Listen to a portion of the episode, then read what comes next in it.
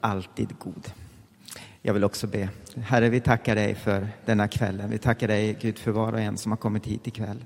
Tack Jesus för att du vill tala till oss. Tack för att ditt ord är levande och verksamt, Herre. Tack för att du, Herre, öppnar våra ögon, att du öppnar våra hjärtans ögon, Herre, så att vi kan se och förstå vem du är, Jesus. Tack för att du möter alla de behov som vi går och bär på, Jesus. Vi ber dig, Gud i himmelen, för att vi, Herre, ska gå härifrån förändrade, Jesus. I Jesu namn. Amen.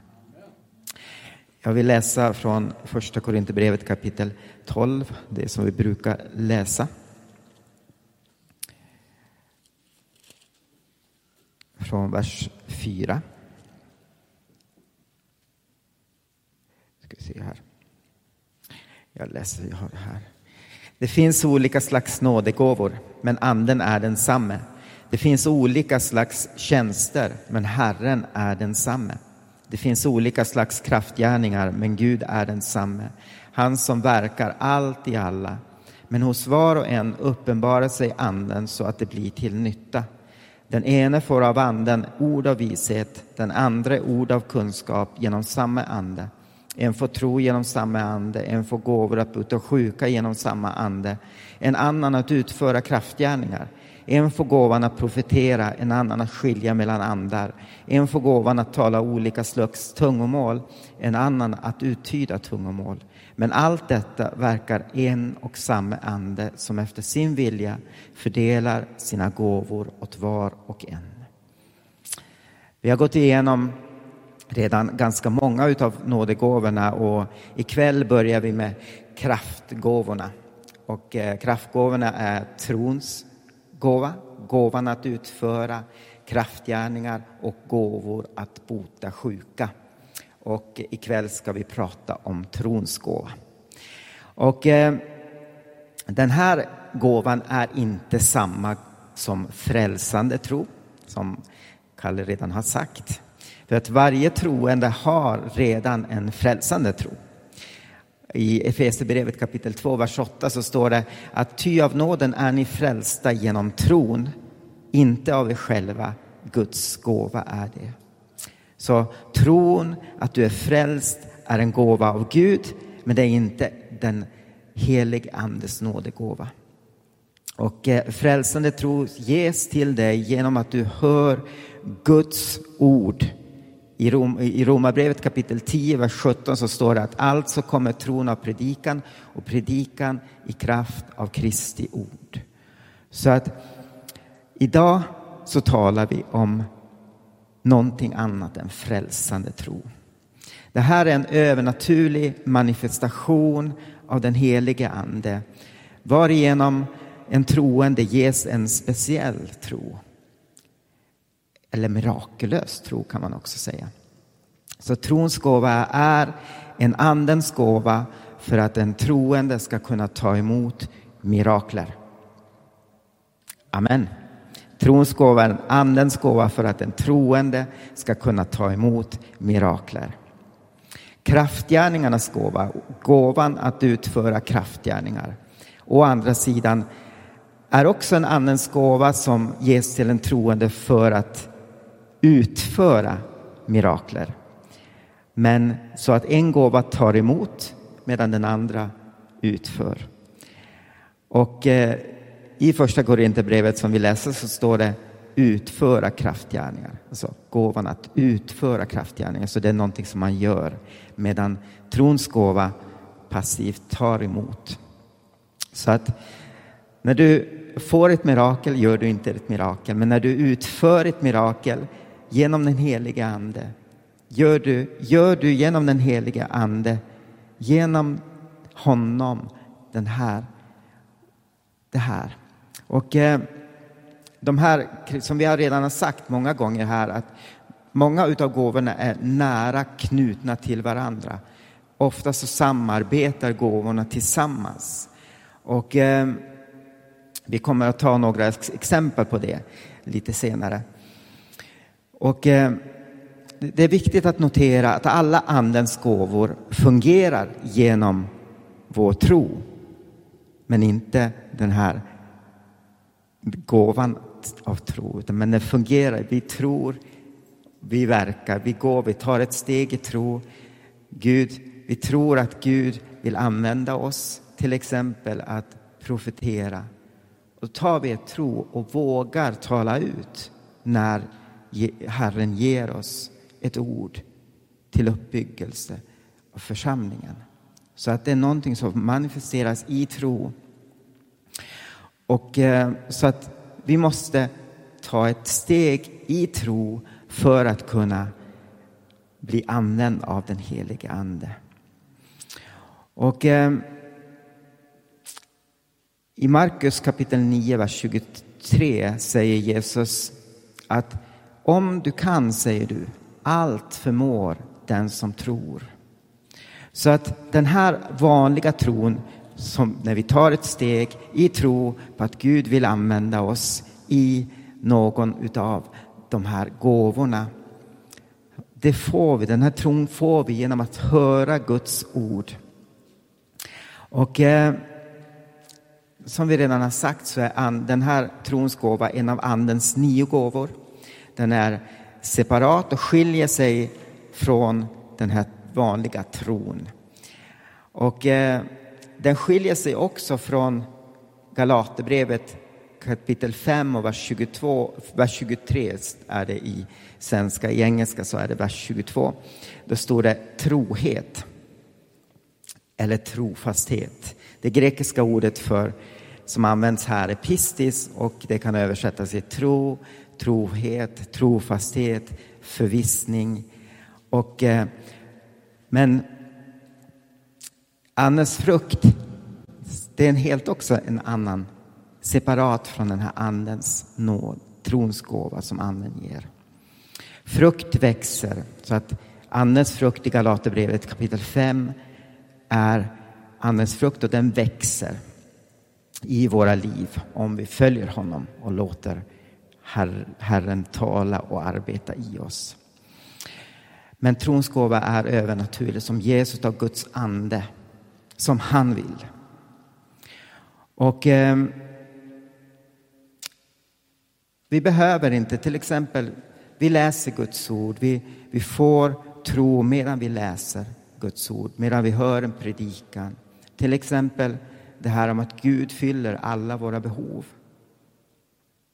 Så när vi läser Guds ord, vi tar emot det i tro så, får, så förstår vi att han är den, den som fyller våra behov.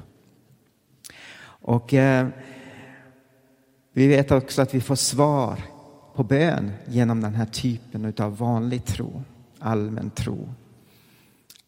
Markus 11, kapitel, kapitel 11, vers 24 står det Därför säger jag er allt vad ni ber om och begär, tro att ni har fått det så skall det vara ert. Och många av oss, vi har hört redan nu, att vi har fått svar på bön. Och eh, genom att vi har trott, vi har kommit till Gud i tro på att han svarar på bön och han är trofast och ger oss. Men eh, trons gåva skiljer sig från det här och trons gåva skiljer sig också från gåvan att utföra kraftgärningar. Även om båda de här gåvorna ger mirakler. Och eh, som jag sa i början, att en är aktiv och en är passiv. En tar emot medan den andra utför. Och eh, så skillnaden mellan de här gåvorna är att en är aktiv medan den andra är passiv och bara tar emot. Till exempel, tänker Daniel i lejongropen. Han blev kastad i lejongropen. Och eh, det står att lejonens munnar stängdes igen. Han låg och sov i lejongropen utan att någonting hände. Och då står det i Daniel kapitel 6, vers 23 när kungen fick höra att han levde. Då säger det, då blev kungen mycket glad och befallde att man skulle ta upp Daniel ur gropen. När han hade tagits upp kunde man inte upptäcka någon skada på honom, ty han hade förtröstat på sin Gud. Och jag tror att det här, även om det var i Gamla Testamentet, det här var trons gåva. Vi läser också om Jesus. Han hade sagt till lärjungarna att nu åker vi över till andra sidan. Och medan de var i båten så blåste det upp till storm. Och eh, lärjungarna blev så rädda att de skulle dö. Men Jesus han låg längst bak i båten och sov. Jag tror att också det var trons gåva i, i som verksam. Um, kanske vi säger, ja men det var ju Jesus, han är Guds son. Men uh, Jesus gjorde ingenting annat än genom den helige Ande. Jesus, han, det står i Filipperbrevet 2 att han blev en av oss. Han blev gjord till människa. Och allt det han gjorde här på jorden gjorde han genom den helige Ande. Så att han gav oss ett exempel på hur vi skulle leva. I Johannes kapitel 14, vers 12 så säger Jesus till sina lärjungar, men han säger det också till dig och mig. Amen, amen, säger jag er. Den som tror på mig skall utföra de gärningar som jag gör och större än dessa skall han göra, ty jag går till Fadern. Så att om Jesus gjorde saker i den heliga Ande, då kan även du och jag som troende på honom utföra de här samma sakerna som han gjorde. Så att här låg Jesus i båten och sov medan det stormade. Lärjungarna trodde att de höll på att gå under, men Jesus låg och sov i frid. Han var inte orolig för den här stormen. Och jag tror också att Daniel i lejongropen var inte orolig för de här lejonen som var där och som borde ha ätit upp honom. Men han var inte rädd. Han förtröstade på sin Gud. Och det där tror jag inte kan göra annat än vara övernaturligt. Jag kommer ihåg, satt en gång med, vi hade en konferens i Kina och eh, så plötsligt så kommer det in ett 20-30-tal poliser och eh, de eh, tog oss och eh, satte oss i, en, i ett rum och eh, jag var fylld av frid. Var, jag kan säga att jag, jag var inte rädd. Och jag tror, jag borde ha varit rädd. Men Gud kom och gav frid. Så att genom hela Bibeln och genom hela missionshistorien så ser vi hur trons gåva har verkat i människor som befunnit sig i livsfara genom den här Andens gåva. I de här mörka stunderna, i de här jobbiga stunderna så har Gud kommit med sin övernaturliga gåva av tro så att de har varit i frid. Och eh, jag tror att den här gåvan ges till oss när vi befinner oss i en tuff situation. Och eh, gåvan att utföra kraftgärningarna så använder den sig av tro som aktivt verkar ett mirakel. Men trons gåva använder sig av tro som passivt förväntar sig ett mirakel. Och eh, jag vet inte, de flesta av er har säkert hört talas om Smith Wigglesworth som Eh, var ute på, jag tror på 50-talet och predikade och han, han var en som verkade i, ofta i den här gåvan. Och eh, man vet i alla fall att tre människor har uppväckts från de döda genom hans tjänst. Och eh, jag har läst en gång, han var ute och predikade och sen innan han åkte ut på predikan så hade han varit hemma hos en av sina vänner som hade då varit nära döden. Och sen när han kommer hem efter att ha predikat så hör han att han ligger för döden. Och eh, det står så här om honom att jag, han kom in i huset där den här mannen låg. Och jag passerade just Mrs Mitchell och gick in i rummet. Jag såg omedelbart att Mitchell hade dött. Jag kunde inte förstå det, men jag började be. Min fru var alltid rädd för att jag skulle gå för långt och hon grep om mig och sa Sluta Smith, ser du inte att han är död? Men jag fortsatte att be. Jag kom så långt jag kunde med min egen tro och då grep Gud in. Och det var så klart att jag kunde tro på allt, vad som helst. Herren Jesu tro grep mig och en stark frid kom in i mitt hjärta. Jag ropade, han lever, han lever och han lever idag. Och eh, Smith, han sa så här att om du tar ett steg i vanlig tro, när du då kommer till slutet av den här tron så tar väldigt ofta den här övernaturliga tro över. Så att vi behöver ta ett steg i tro och när vi har kommit till slutet så kommer anden med den här övernaturliga tron och tar över. Och att uppväcka någon till livet går ut över någon, någons vanliga tro. Vi kan ju i vår vanliga tro gå och bara gå till någon som har dött och så dra upp honom ur sängen och säga lev. Men han kanske faller ner, där, eh, faller ner bara. Men eh, det behövs en övernaturlig manifestation av Guds makt för att få ett mirakel som det här. Och eh, det kommer att finnas tillfällen när, där vår egen nivå av tro inte räcker till och då behöver vi den här övernaturliga gåvan. Säg att Gud har manifesterat sig och använt dig många gånger genom att lägga händerna på de sjuka och de har blivit friska.